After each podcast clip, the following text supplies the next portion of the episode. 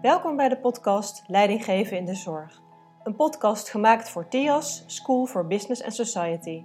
Mijn naam is Sietske Rosie en vanuit mijn rol als medisch specialist, ik ben radioloog, en als facultylid van TIAS ga ik in deze podcast op zoek naar kennis over disciplineoverstijgende onderwerpen, die de huidige en toekomstige zorgprofessionals en leidinggevenden in de zorg kunnen toepassen in hun werk. Dit is de tweede aflevering uh, van de podcast met Roemer Visser. In de eerste aflevering met Roemer hadden we het over corona en leiderschap en de veranderingen daarbij. Maar ook over strategie, cultuur, uh, leiderschap, management.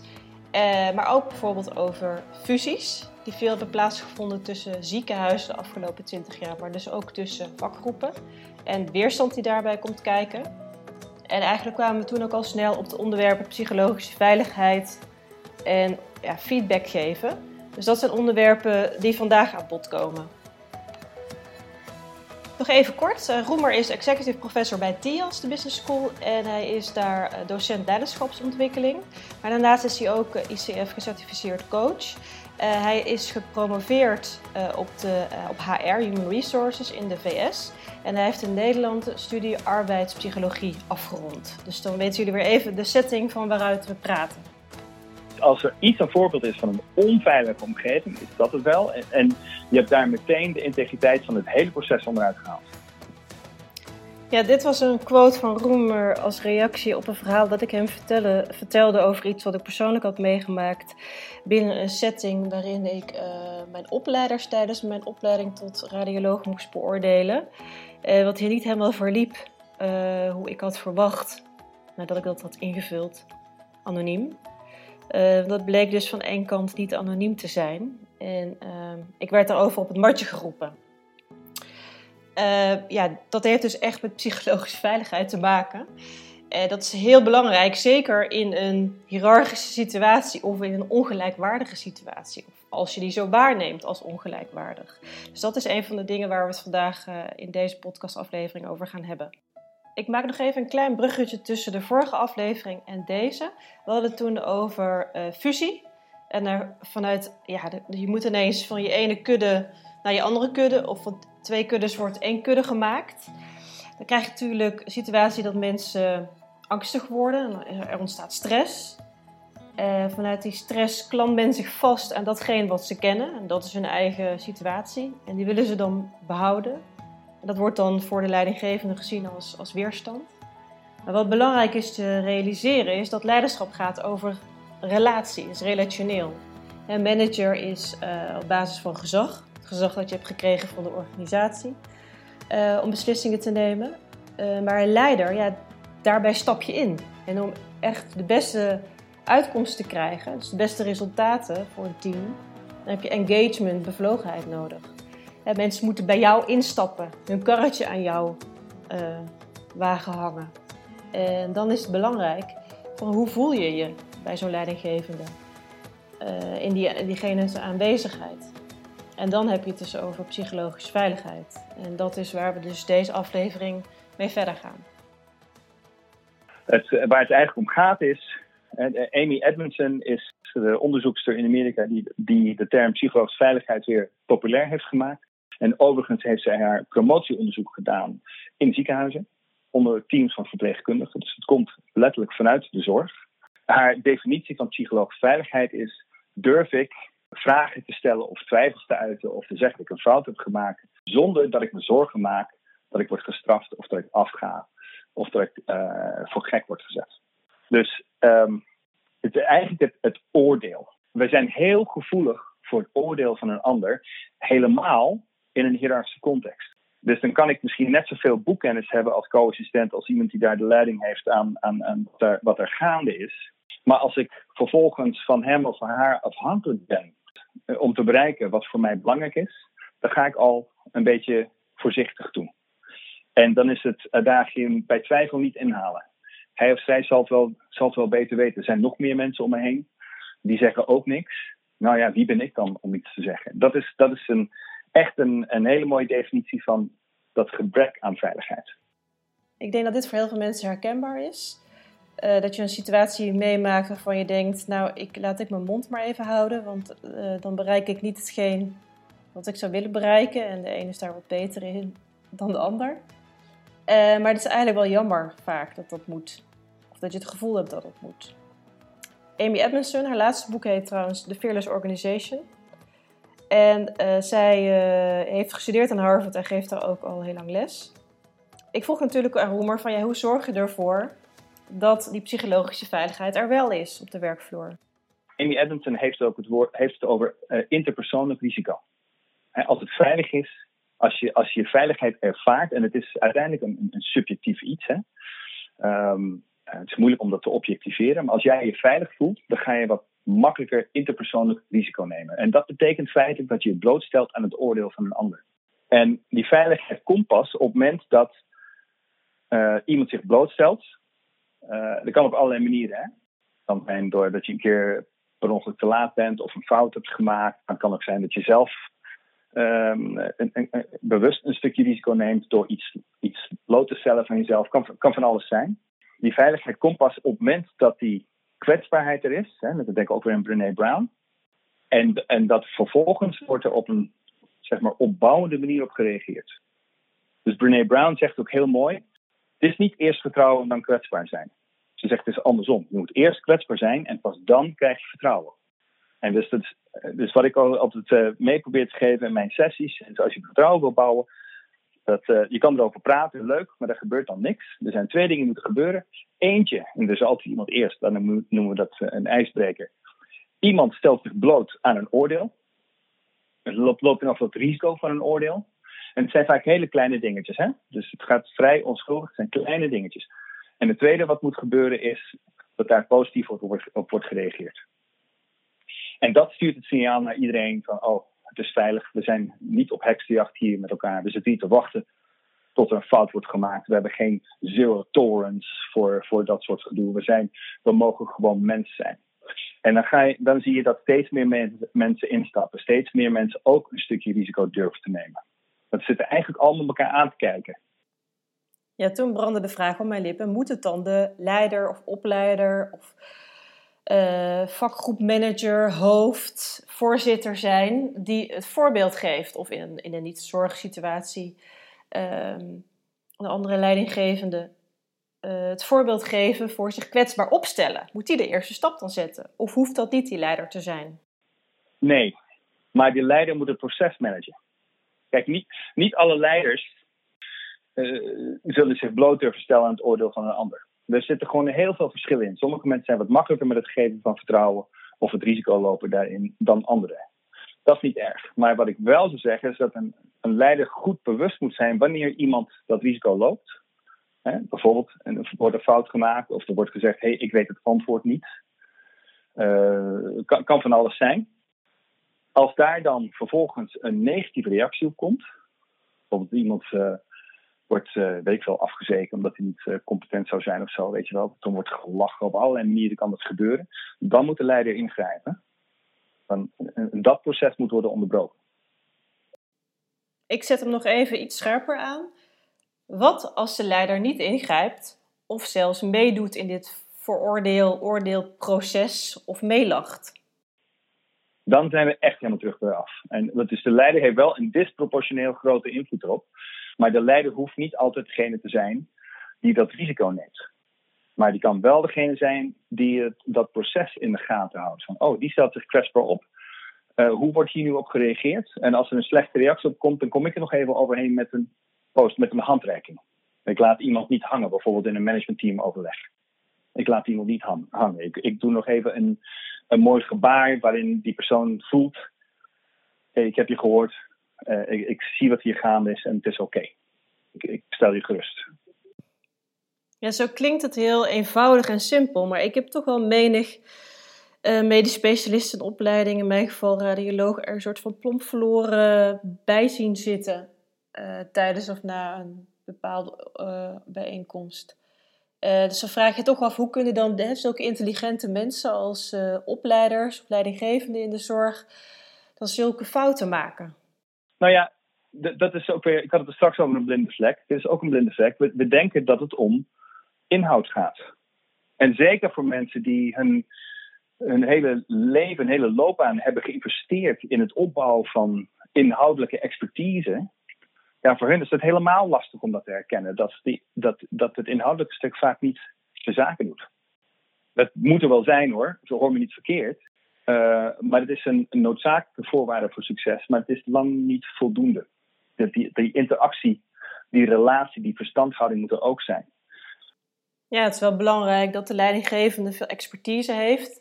Dat ben ik een beetje eens. Maar wat je ook wel ziet is van ja, dan de professor uh, wordt de afdelingshoofd. Ja, dat zie je toch ook wel met enige regelmaat misgaan, logischerwijs. Want het is weer, weer een vak apart natuurlijk. De beste, de beste lasser wordt voorman, want die kan zo goed lassen.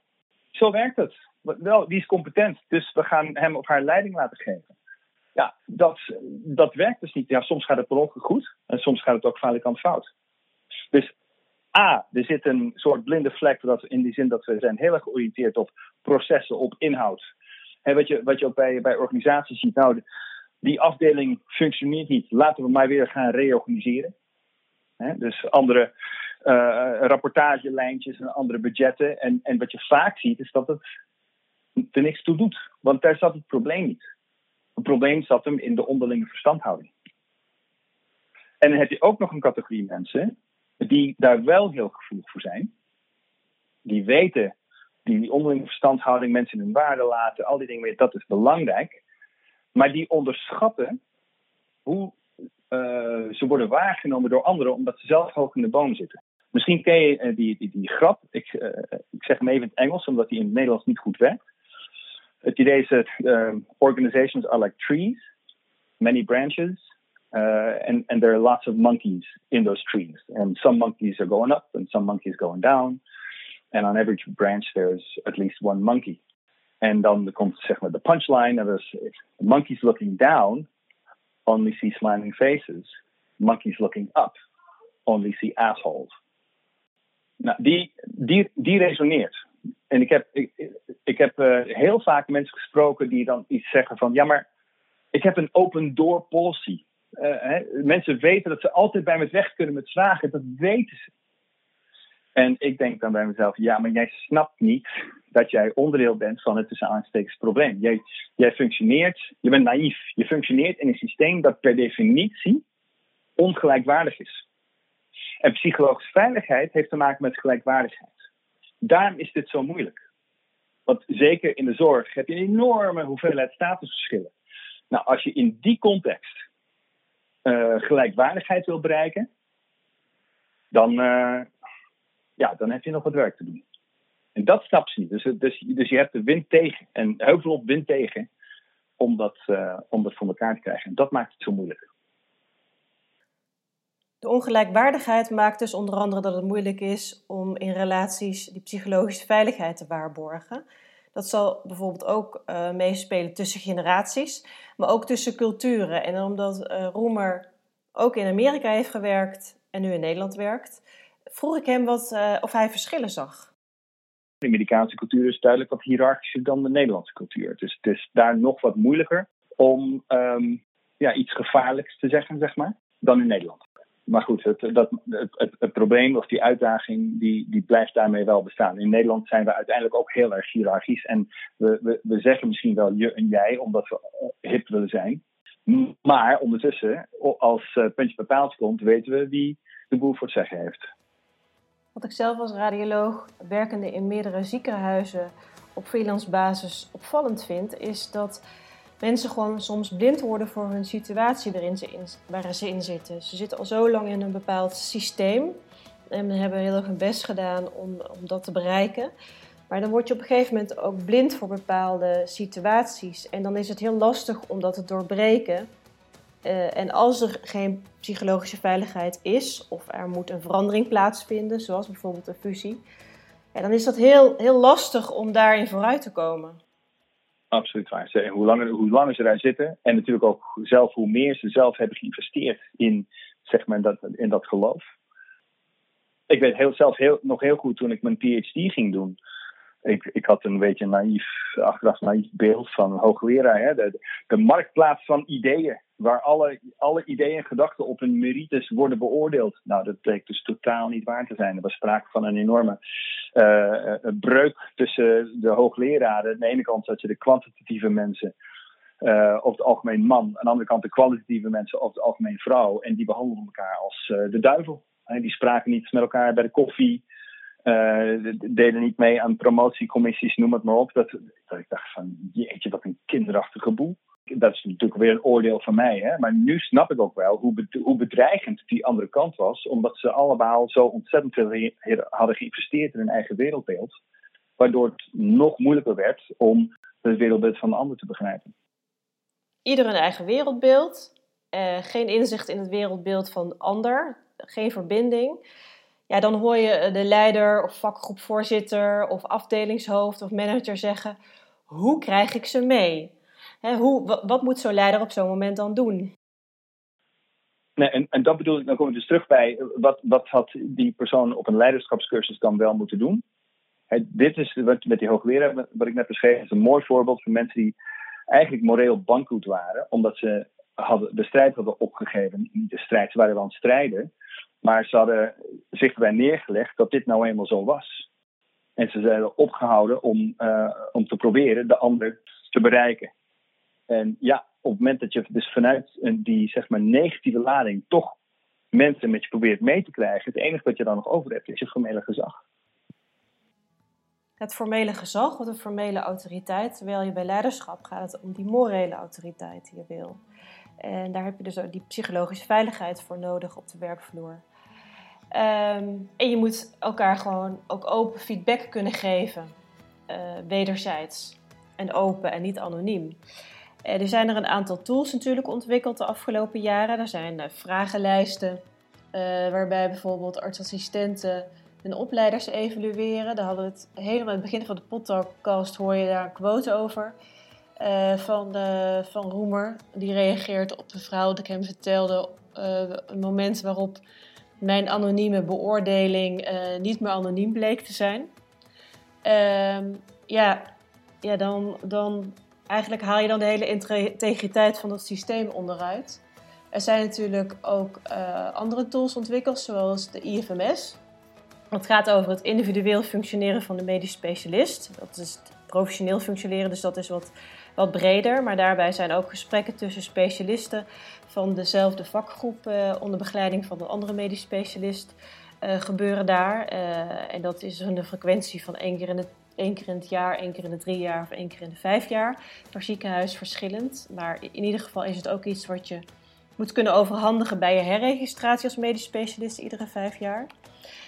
ik vroeg Roemer van ja, hoe zie je zo'n feedback systeem als, ja, als expert op het gebied van leiderschap? Nou, dat, dat, kan, dat kan heel snel een papieren tijger worden. Hè? Um, en, en wat er bij mij boven komt als je dat zo beschrijft, is dat er wederom wordt voorbij gegaan aan de onderlinge verstandhouding. Dus, dus, dus, dus het lijkt alsof de veronderstelling is dat het klimaat dat we met z'n allen willen bereiken, uh, een soort van som is van uh, het gedrag van alle individuele personen. Dus stel die persoon open vragen of gesloten vragen. Oh, dat was een gesloten vraag. Nou, krijg je een kruisje. Ik noem maar even wat. Hè? Uh, met andere woorden, dat het, het dysfunctioneren, als er, als er sprake van is, dat dysfunctioneren kan terug worden gebracht tot het gedrag van één persoon. Ah, daar zit hij. Die moet op cursus. Maar het zit hem in het systeem. Het zit hem natuurlijk niet onafhankelijk van individueel functioneren. Dus het is, ik denk vooral het idee van feedback ophalen vind ik een hele goede vraag is alleen, is hoe gaat dat proces van feedback ophalen en wat gebeurt er dan vervolgens mee? In een psychologisch veilige omgeving, als het echt veilig was, dan zou elke medisch specialist koffie gaan drinken met collega's, andere medisch specialisten, maar ook verpleegkundigen, stafafdelingen. Hé, hey, vertel eens, hoe doe ik het? Hoe doe ik het hierop? Hoe doe ik het daarop? Heb je nog tips van me? Hoe kan ik beter worden? En dat gesprek zou zonder enige uh, drempels gewoon worden gevoerd, omdat andere mensen ook naar hen toe komen met dezelfde vraag. Dat doe je in een psychologisch veilige omgeving. Maar wat gebeurt er vaak? Dat, die feedback wordt vaak opgehaald via anonieme vragenlijsten. dat is al een, uh, een rode vlag, wat mij betreft. Want anoniem feedback geven is makkelijk. Um, en je kunt, je kunt daar geen verhaal op halen. Hè? Je krijgt je feedback, je krijgt een opmerking die, die je raakt en je kan er niks mee, want je weet niet waar die opmerking vandaan komt. En je bent er ook niet mee geholpen. Hè? Dus ik snap dat anonimiteit veiligheid, een soort van veiligheid waarborgt, maar het is veiligheid voor degene die antwoord geeft, niet, veilig, niet veilig voor degene die de feedback krijgt. Dus dat is één. Wat is dat proces van het ophalen van feedback? En twee is wat gebeurt er dan, daar volgens mee? Meestal ik ga misschien wat korter de bocht, ik zeg vaak, vaak wordt er gewoon een rapport van gemaakt. En dan komt het terug in een, in een verslaglegging van dit zijn mijn verbeterpunten. En dan over twaalf maanden moet je daar misschien nog wat zinnigs over proberen te zeggen. Maar wat er niet gebeurt, is dat mensen teruggaan naar degene die die feedback hebben gegeven. En zeggen, dit heb ik gehoord. Ik heb hier nog wat meer uh, helderheid over nodig. Of uh, dit hier wil ik me voor inzetten. Wil je me daarbij helpen? Wil je me daar feedback op blijven geven? Weet je wel? Uh, dus het, komt het verschil is een beetje: het, gebeurt het in een veilige omgeving of gebeurt het in een omgeving die onveilig is?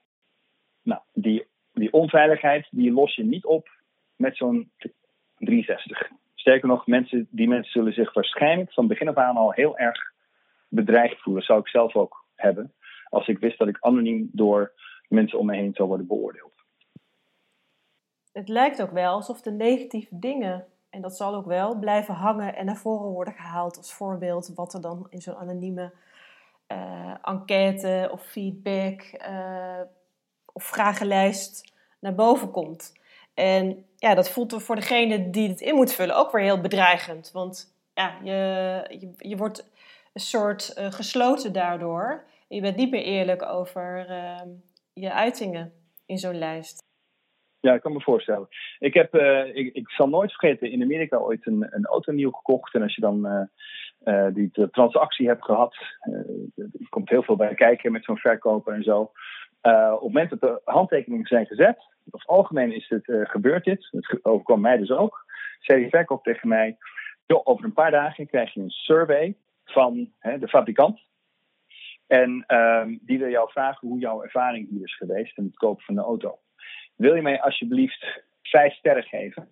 Want alles wat ik minder krijg dan vijf sterren, daar krijg ik consequenties voor. En ik dacht bij mezelf, ja, ik voel me een beetje opgelaten. Ik heb hem uiteindelijk die vijf sterren gegeven, want ik gunde hem die vijf sterren en ik gunde hem niet die consequenties.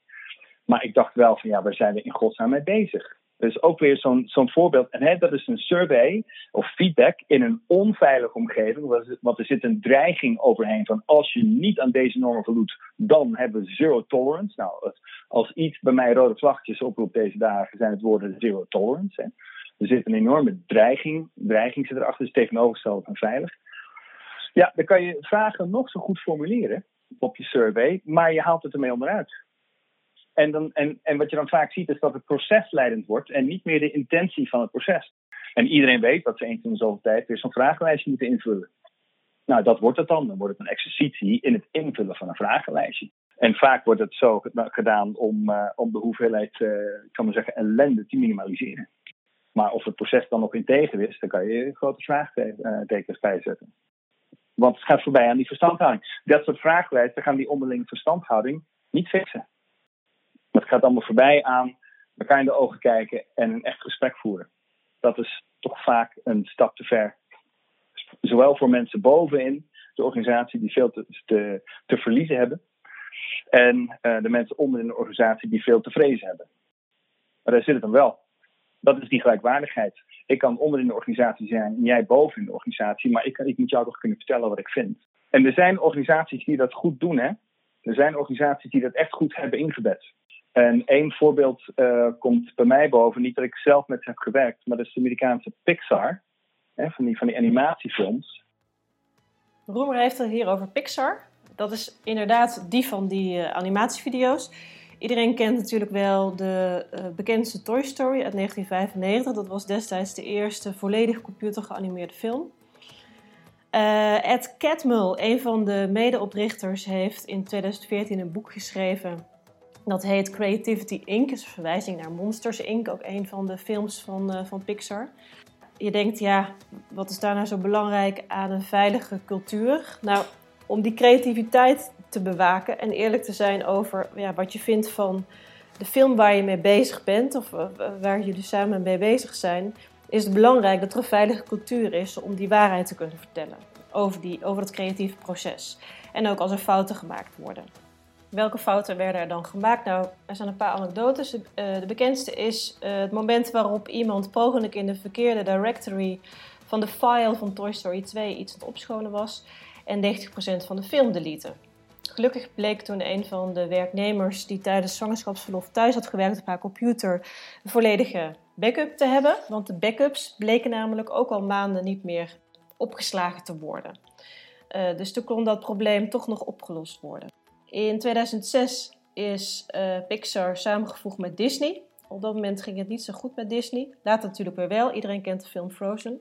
In het begin is dat echt, uh, zijn de studio's, ik weet niet hoe dat nu is, apart gehouden. Om die veilige cultuur, die bij Pixar dus heel hoogstaand was, te waarborgen. En bepaalde dingen daarna, daarvan te implementeren in de Disney-studio. Hoe bewaak je nou, hoe, hoe, hoe um, bescherm je nou de creativiteit met elkaar? In, en hij, hij, heeft het ook expliciet over het feit dat die, dat die omgeving onveilig is. En hij beschrijft ook zelf hoe hij het heeft onderschat.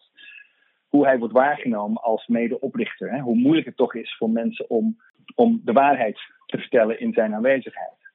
Dus het boek is eigenlijk een één groot betoog dat je hebt altijd wind tegen en je moet altijd op je zijn om te zorgen dat dat klimaat zeg maar niet heuvel afglijdt. Dat, het, dat er niet weer dingen insluipen die je niet wilt. Hieruit blijkt dus wel dat het echt een proces is wat niet stopt. En waar, wat veel onderhoud nodig heeft, zo'n psychologische veiligheid van de werkvloer. Daarnaast stipt Roemer ook even aan dat het ook wel moeilijk is om in zo'n leiderschapsschool in zo'n positie te zitten. En dat het soms ook wel eenzaam kan zijn. En uh, dat je ook niet altijd kan vertrouwen dat mensen eerlijk tegen je zijn. Je moet ook eigenlijk uh, wel tegenspraak organiseren. Hoe, uh, zeker hoe hoger je in het bedrijf als het ware uh, komt of in je, in je rol op de afdeling in de zorginstelling waar je werkt. Daarover praat ik op een ander moment nog verder met Roemer. Voor nu wil ik jullie bedanken voor het luisteren en hopelijk tot de volgende keer. Dag!